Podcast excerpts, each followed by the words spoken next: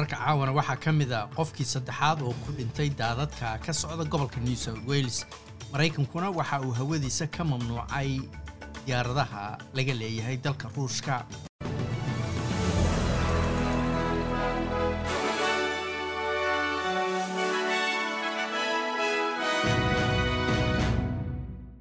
meydkii saddexaad ayaa laga helay waddada dhex marta magaalada lismore iyadoo weli ay socdaan degniino ah in roobabku ay ka sii socon doonaan gobolka new south wales oo dhan. Tan ayaa imanaysa iyadoo horey looga helay meydka laba haweena gurigooda shalay oo talaado ahayd. Ku-xigeenka premierka gobolka new south wales paul tool ayaa ka digay in dad kale ay daadadka ku dhiman karaan waa wax naxdin leh waa arrin laga naxo. Hal qof oo dhintaa waa naxdin noogu filan laakiin bulshooyinkaas oo dhan ayay daadad ku saameeyeen. Qoysas ayay dadkii ay jeclaayeen ka geeriyoodeen ayuu yidri dean naramora oo ka tirsan xafiiska saadaasha hawada ayaa sheegay inay dhici karto inay dhacaan daadad kale oo nafta dadka khatar geliya gobolka oo dhan So that does include the communities of Newcastle, Sydney metropolitan area, Wollongong, inland towards the Blue Mountains, and also the communities as waxaa ka mid a bulshooyinka kale ee wajahaya daadadka bulshooyinka degan newcastle magaalo weynta sydney iyo weliba wollongong. Gudahana markaad fiirisid dhanka blue mountains iyo xataa kuwa degan buu yidhi south coast. Reer queenslandna waxaa lagu boorinayaa inay isu diyaariyaan dabaylo xooggan iyo roobab mahiigaana laga bilaabo berita oo khamiisa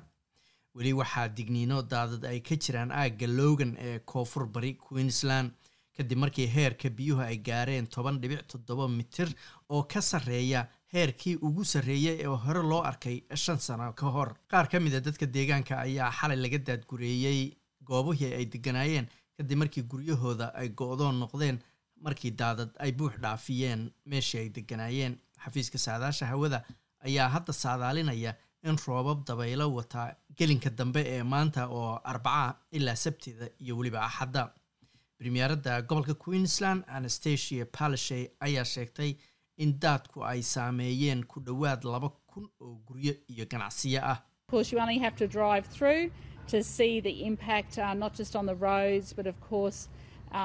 Dabcan waxaad arkaysaa oo keliya sida uu u saameeyey waddooyinka marka aad dhex marto laakiin dabcan wuxuu daadku saameeyey garoomada isboortiyada baagaga iyo dabcan weliba guryaha iyo ganacsiyadii ayay tiri premieraddu maraykanka ayaa mamnuucay in diyaaradaha ruushku ay dul maraan hawadeeda. Madaxweynaha maraykanka joe biden ayaa go'aankan kaga dhawaaqay khudbadda sanadlaha ee state of the union loo yaqaano oo ahayd tii ugu horreysay wixii ka dambeeyey markii uu xafiiska la wareegay. Waxaa ka mid ahaa dadka khudbada dhegaysanayay oo dhinac fadhiyey murwada koowaad jill biden safiiradda ukraine u joogta dalka maraykanka oksana markarova waxayna ka mid ahayd dadka dhegaysanayay khudbada iyadoo ka qayb gashay weliba sacab loo istaagay markii madaxweyne biden uu ku ammaanay dhammaan reer ukraine xoogooda iyo go'aanka adag ee ay ka qaateen duulaanka ruushka. Madaxweynaha ayaa sheegay in wasaaradda cadaaladda maraykanku ay isku dubaridayso kooxad dabagelaya oo soo baaraya dembiyada ay galeen. Shakhsiyaadka tujaarada ee lacagta badan sameeyey ee ruushka ee ologaaga la yidhaahdo We're joining with European allies to find and seize their yachts, their luxury apartments, their private jets. waxaan ku biiraynaa saaxiibadeenna yurub sidii loo soo heli lahaa loolana wareegi lahaa doonyaha ay ku raaxaystaan guryaha raaxada ee ay leeyihiin iyo diyaaradaha u gaarkaa waannu ku daba jirnaa ayuu yidhi xoolaha ay sida khaladkaa ku heleen.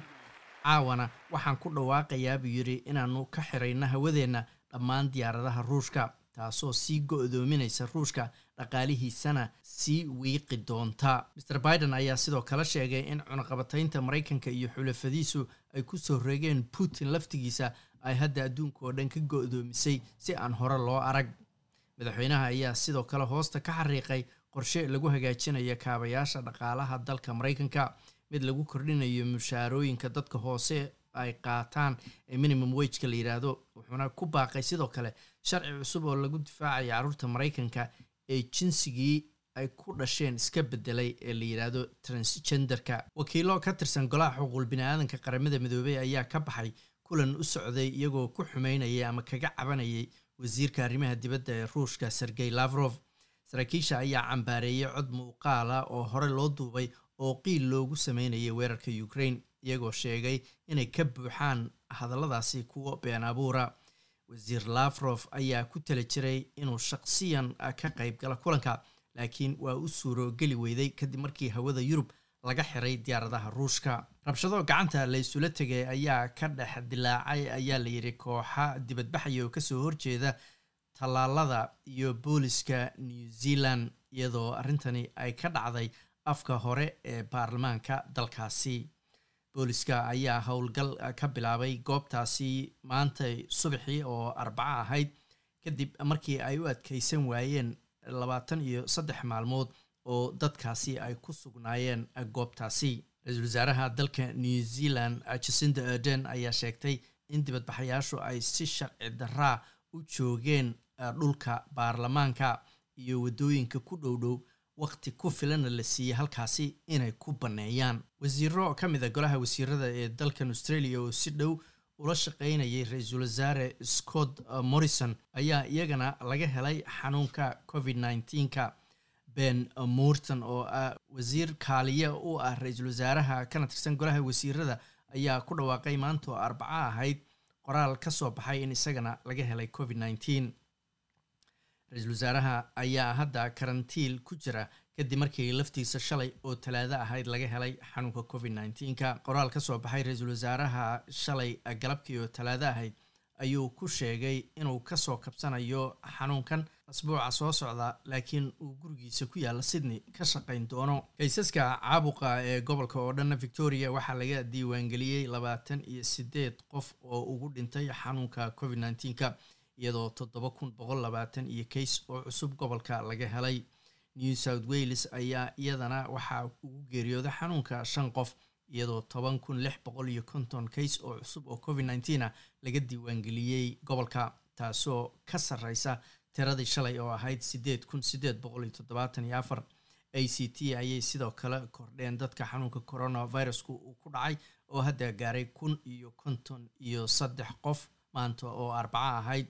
queenslandna waxaa ugu dhintay xanuunka labaatan iyo afar qof. Kaysaska laga helayna waa shan kun iyo kow iyo toban kays tasmania ayaa sidoo kale laga soo wariyey siddeed boqol iyo lixdan iyo sideed kays oo cusub oo covid nneteen halka northern territory ay diiwaan gelisay laba qof oo u geeriyooda xanuunka iyo lix boqol iyo konton iyo afar kays oo cusub.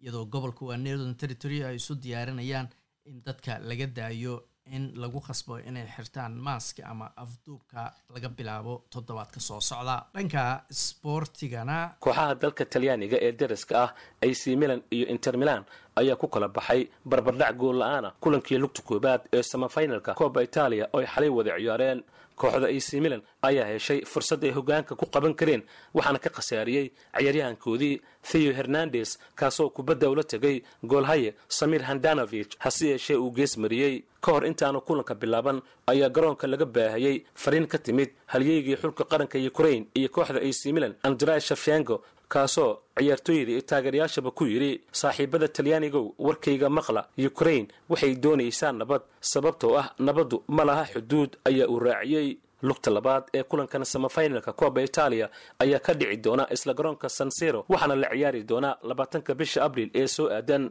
Labada kooxood ayaa sidoo kale ku hardamaya ku guulaysiga horyaalka zareeda dalka talyaaniga maadaama ay ka mid yihiin saddexda kooxood ee ugu sarraysa waxaana hadda min laba dhibcood oo keliya ay ka hooseeyaan hogaamiyaasha horyaalka ee napoli. Kulanka kale ee samafinalka kooba itaaliya waxa uu caawa dhex mari doonaa kooxaha yuventus iyo fiorentina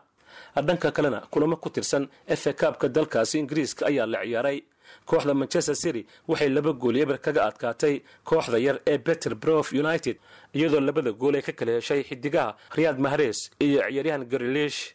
crystal balas labaiyo hal ayay kaga adkaatay kooxda stock city hase yeeshee tottenham ayaa layaab lagu dhigay markii ay la ciyaartay kooxda milisbra oo ka tirsan kooxaha heerka labaad ee dalkaasi england ciyaartan oo boqol iyo labaatan daqiiqo qaadatay ayaa ugu dambaystii gooli eber looga adkaaday kooxda tottenham waxaana sidaasi wareega kale ugu gudubtay kooxdan yar ee booro lagu naanayso. Kulan ku tirsan koobka dalka faransiiska ayaa la ciyaaray kooxda niis waxay labii eber kaga adkaatay versalis koobka dalka jarmalka ee d f p pocal kooxda union berlin ayaa labii hal kaga adkaatay st paul dhanka kale gabadha tennisyahanka ah ee u dhalatay dalka ukraine elina sfatolina ayaa hadda ogolaatay in ay la ciyaarto ciyaaryahanada ka socota dalkaasi raashka ee layidhahdo anastasia botabofa oo ay ku loolamayaan koobka monterey open ee ka socda dalka mexico tennisyahanadan elina stofelina ayaa horey u sheegtay inaanay la ciyaari doonin ciyaartooyda ka socota ruushka iyo sidoo kale belarus. Haddii aanay dhexdhexaad ka noqon waxa ka socda dalkeedii. Xiriirka tenniska dunida ee w t a iyo kan kale ee a t p ayaa ku dhawaaqay talaadadii in ciyaartooyda ka socota ruushka iyo sidoo kale belarus aanay ciyaari karin haddii aanay muujin inay dhexdhexaad ka yihiin duulaanka ruushka uu ku qaaday dalkaasi ukraine. Ka hor hadalka w t a gabadha nambarka shan iyo tobanaad kaga jirta qiimaynta dunida ee tenniska sfatolina oo labaatan iyo toddoba sano jira ayaa warbaahinta u sheegtay waana ciyaari doonaa caawa sababtoo ah qofka iga soo horjeeda. Waxa uu hoos imanayaa calan dhexdhexaad ah dhankeedii gabadha la ciyaari doontaa u dhalatay dalka raashka botabova oo labaatan sano jirada ayaa sidoo kale waxay ka jawaabtay duulaanka dalkeedii uu ku qaaday ukraine waxaanay barteeda instagram-ka isniintii dhigtay nasiib daro hadda waxaynu nahay ciyaaryahano xirfadlayaal ah laakiin waxaanu noqonaynaa lahaystayaal xaaladda jirta awgeed. Waan ka xumahay inkastoo siyaasadda aanan shuqul ku lahayn haddana waxaan ka soo horjeedaa murugada ilmada iyo dagaalka ayaa ay sii raacisay saadaasha hawada berita oo khamiisa magaalada melbourne qayb ahaan daruur weeye labaatan iyo sideed digrii magaalada sydneyna waxaa la filayaa roobab weliba roobab aada u ballaaran labaatan iyo shan digrii baana la filayaa in gobolka uu gaaro. Halka australian dollar maanta waxaa lagu sarrifayey toddobaatan iyo saddex senti oo lacagta maraykanka ah